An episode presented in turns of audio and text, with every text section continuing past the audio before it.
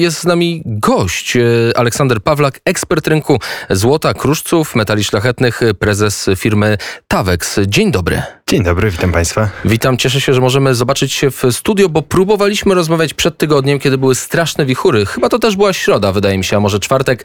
Niestety tak zrywało połączenie, że pomimo, że Katowice, Warszawa niby nie tak daleko, ale e, ciężko się było zrozumieć, więc przechodzimy do konkretów. E, złoto e, idzie w górę, czy spada w ostatnim czasie?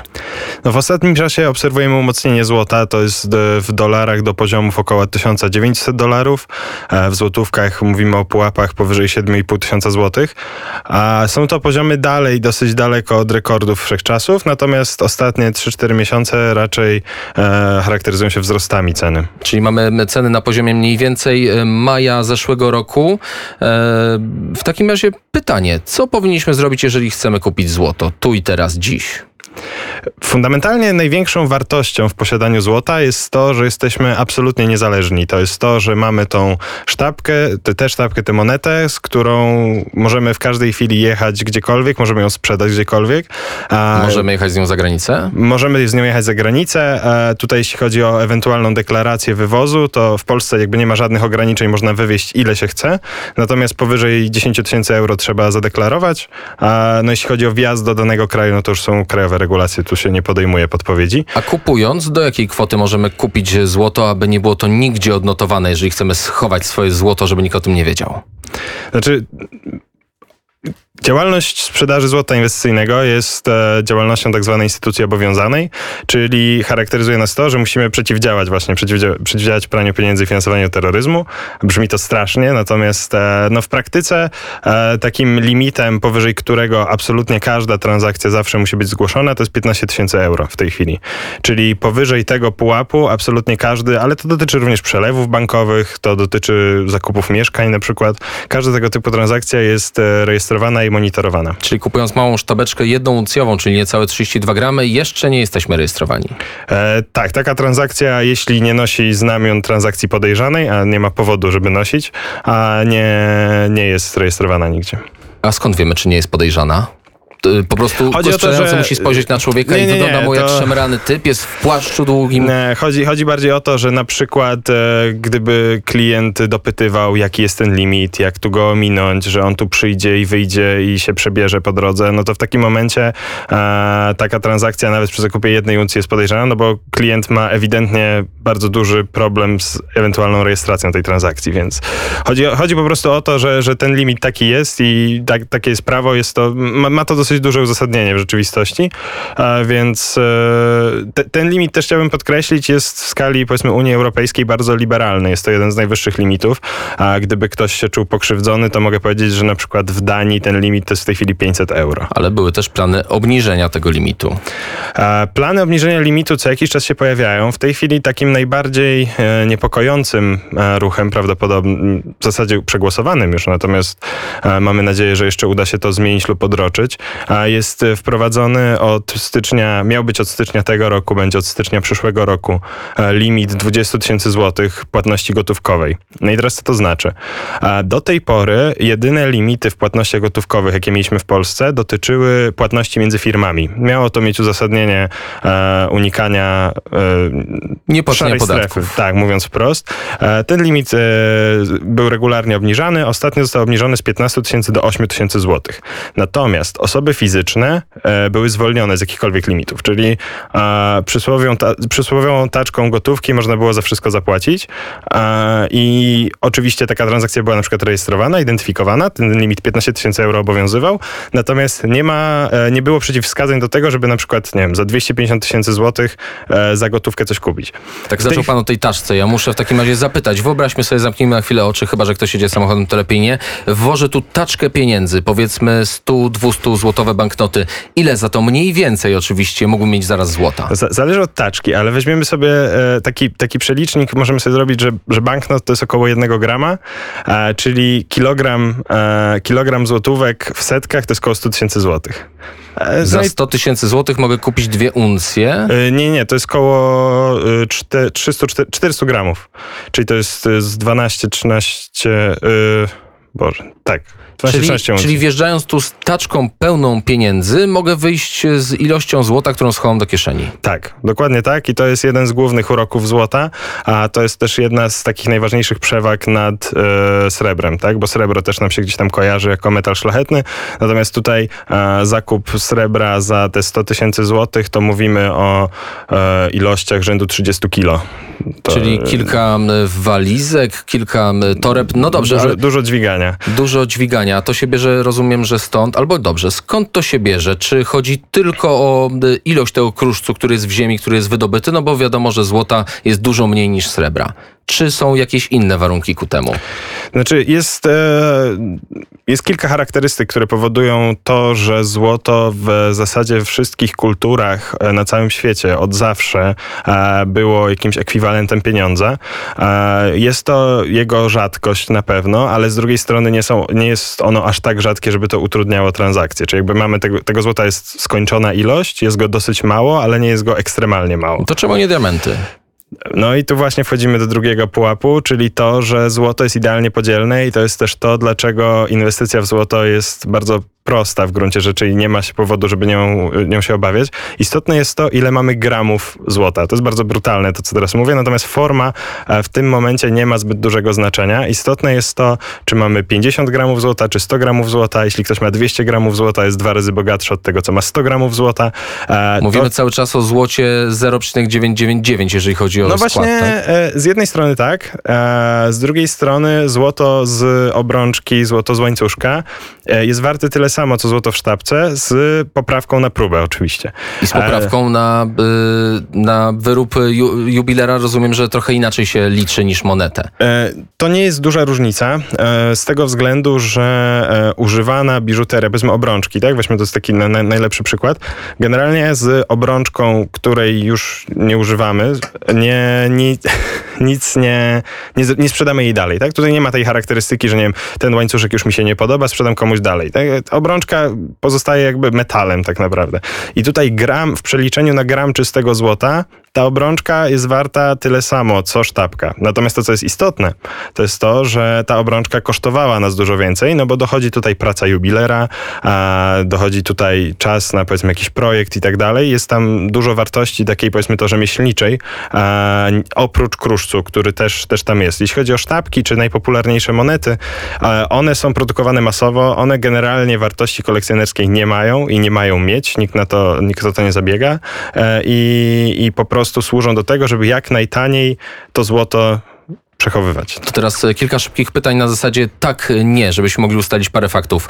E, W ciągu ostatnich kilku miesięcy wzrasta e, zainteresowanie złotem, tak czy nie? Tak.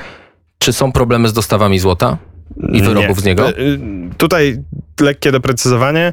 E, Jeśli chodzi o dostawy z mennic, bo jest kilka, kilka światowych mennic, które są najważniejsze, które dostarczają te typowe e, produkty bulionowe, produkty inwestycyjne.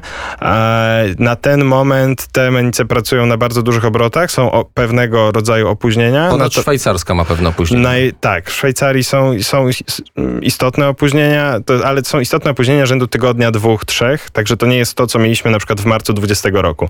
A w marcu 20 roku mieliśmy absolutną blokadę, tego towaru przez 2-3 miesiące potrafiło nie być, albo potrafiło przyjeżdżać dużo, dużo mniej. Ale też transport był wstrzymany, cała gospodarka stała. E, tak, to prawda, było dużo, dużo komplikacji. E, tutaj myśmy się w tym czasie ratowali czarterowaniem samolotów, jakkolwiek to absurdalnie nie brzmi, to, to autentycznie takie sytuacje miały miejsce. E, z tego co wiem, też największe banki w Polsce zaopatrywały się właśnie czarterami w e, dolary, tudzież To euro ile w trzeba gotówce. było przewieźć tego złota w samolocie, Dużo. żeby się opłacał jego czarter? Ale czy to nie był taki, jak sobie teraz słuchacze mogli pomyśleć, to nie był Boeing 737? Nie, nie, nie, trochę mniejszy czarterowaliśmy. Cessna? Aż tyle, aż, tyle, aż tyle tego złota nie mieliśmy. Natomiast fakty są takie, że to astronomicznie podbijało koszty, tak. A normalnie złoto podróżuje z nami samolotami pod pokładem, także jeśli lecimy sobie na przykład z Curychu, to możemy być w zasadzie pewni, że pod nami... Że siedzimy na złocie. Że siedzimy na złocie, dokładnie tak. Ile tego złota jest, niestety nie jestem w stanie powiedzieć, natomiast e, e, złoto w ten sposób jest transportowane i, i faktycznie ten zamarcie ruchu pasażerskiego e, bardzo utrudniło pracę. Załóżmy, że słuchacz y, ma y, 100 tysięcy złotych, z którymi chce coś zrobić. Wiadomo, inflacja, nie chce za, za mało, żeby inwestować choćby w nieruchomości czy sztukę, cokolwiek. Chce kupić złoto. No i pytanie, jaka forma? Monety bulionowe, małe sztabki, no i skąd, z jakiego pochodzenia? Co będzie najłatwiejsze później do odsprzedaży? Tak, jeśli chodzi o monety, to tutaj mamy 4-5 najpopularniejszych monet bulionowych. To jest Kangur, Philharmonic, Krugerrand, Liść, e, Brytania. A to są monety, którymi bez problemu możemy operować na całym świecie. Dilerzy złota na całym świecie je bez problemu odkupią. To jest z pięciu E, różnych mennic. To jest pięć różnych mennic, tak. To Najbardziej popularne produkty z Australia, Australia, Wielka Brytania, e, Austria, e, RPA. Także to są, to są te mennice, które biją te najpopularniejsze monety. A E, polski orzeł bielik? Polski orzeł bielik, ja bardzo cierpię z tego powodu, że on nie jest popularniejszy. Wynika to głównie z tego, że jest e, po prostu za drogi. To jest główna przeszkoda dla bielika do zyskania popularności, bo jako moneta jest, e, spełnia wszystkie kryteria ku temu, żeby być popularną monetą bulionową. Natomiast chodzi o to, że jeśli e, mówimy już stricte inwestycyjnie, w tej chwili kangura e, czy filharmonika można kupić za powiedzmy 5-6% powyżej ceny giełdowej, czyli te 5-6% zawiera wszystkie koszty bicia, transportu, naszą marżę, w tym jakby to wszystko już tam jest, to orzeł bielik jest w tej chwili dystrybuowany na poziomach 12-15%. Dlaczego Czyli tak jest? to jest pytanie do Narodowego Banku Polskiego. W ostatnim czasie ta marża myśli? była obniżona. Nie, nie umiem uzasadnić. Może być też to, że to jest trochę takie samo napędzające się koło, że e, mamy stosunkowo małą produkcję, więc koszty tej produkcji są siłą rzeczy większe na sztukę. E, To może przejrzymy- NBP idzie bardziej w kolekcjonerstwo, a nie właśnie w kupowanie może, złota? może tak być, tylko że NBP swoją drogą wybija monety kolekcjonerskie. To jest jakby mo- model, którego bym jakby nie chcę wchodzić, bo to jest temat na Tak oddzielną, jest. godzinną audycję. E, także monety kolekcjonerskie jak najbardziej również są bite przez NBP, natomiast to jest e, inny, inna kategoria. Bielik charakterystyki kolekcjonerskiej nie ma i raczej nie będzie miał, bo mimo wszystko są dosyć duże nakłady, natomiast nie są na tyle duże, żeby te monet, ta moneta chociaż na rynku europejskim stanowiła e, jakiś powszechny produkt. Szkoda. No dobrze, monety czy sztabki?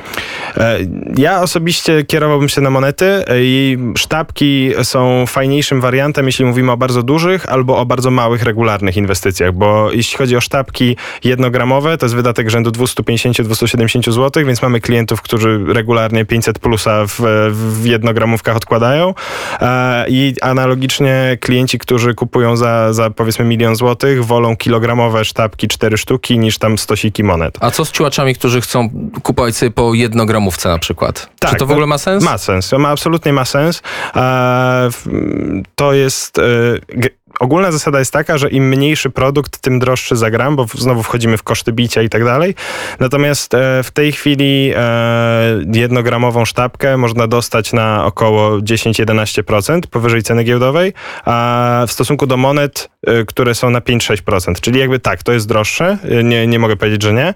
Natomiast nie jest to jakaś bardzo poważna różnica. Nie wiem, kiedy zleciało nam 15 minut, ale niestety musimy kończyć, ale muszę jeszcze o coś zapytać. Ma pan przy sobie coś ze złota? Tak, mam. Mam Tą, o, mam to tą nie było mówione, mam drodzy słuchacze, naszą, to nie było naszą mówione. jednogramową sztabkę. To chętnie zobaczę. Teraz wyciągam mikrofon i rękę. Możemy jakieś zdjęcie do, do, do audycji wrzucić później. Tak zrobimy, tak Eee, zrobimy. Rzeczywiście, to, to jest, jest- wygląda jak, może opiszę, e, karta płatnicza, prawie jak kredytowa, w którą jest wtopione po prostu kawałek, jak rozumiem, złota, próba 999.9. Wygląda to Dokładnie- ciekawie. dokładnie Ile tak. to kosztuje? To jest około 270 zł w tej chwili. 270 E, zł. To jest ta sztabka, o której mówiłem. To jest e, produkt, który wprowadziliśmy troszkę na własną rękę, bo jednogramówki ze Szwajcarii są bardzo drogie. A chodzi o to, że marża na tych jednogramowych, tak jak mówiłem, że na tej naszej jest około 10-11%, na szwajcarskich jest rzędu 20%. Po prostu Szwajcarzy lubią zarobić na, na małym A czy produkcie. każdy to uzna?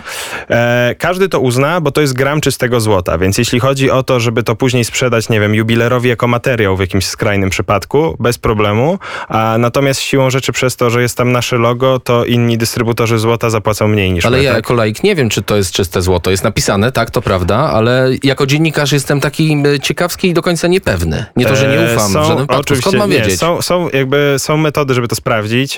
W każdym naszym oddziale są spektrometry. To są takie urządzenia, które są w urzędach probierczych, również do sprawdzania próby złota. Można też bardziej fizycznie sprawdzać po, po gęstości przede wszystkim. Ugryźć. E, Żart, Gryzienia nie żart. rekomenduję, natomiast e, to, co jest też bardzo istotne, bo o tych podróbkach bardzo dużo się mówi, dużo więcej niż w rzeczywistości ma to miejsce, żeby podrobić złoto, żeby spełniało wymiary i wagę, e, to jest naprawdę bardzo, bardzo trudne. Jakby jest dużo podróbek sztabek czy monet, ale one po prostu nie spełniają gęstości złota, więc tutaj matematyka e, się przydaje. No cóż, y, to już drugi raz ktoś mi dzisiaj mówi, że matematyka się przydaje podczas audycji. To musi coś y, oznaczać. Y, Czas się douczyć. Rzeczywiście ładnie wygląda ta sztabka. Pierwszy raz miałem okazję zobaczyć. 270 zł. Coś takiego. Trzeba tak. będzie się zastanowić. Patrzę na realizatora. Kupiłbyś? Pewnie. Pewnie, powiedział, że pewnie. No dobra, to wyciągaj e, pieniądze. Tymczasem e, dziękujemy i żegnamy. Aleksander Pawlak, ekspert rynku e, złota, kruszców, metali szlachetnych, jeżeli tak mogę powiedzieć. Bardzo mi miło. Prezes firmy Tavex na żywo w Radiu Wnet. Dziękuję i do widzenia. Do widzenia, do usłyszenia.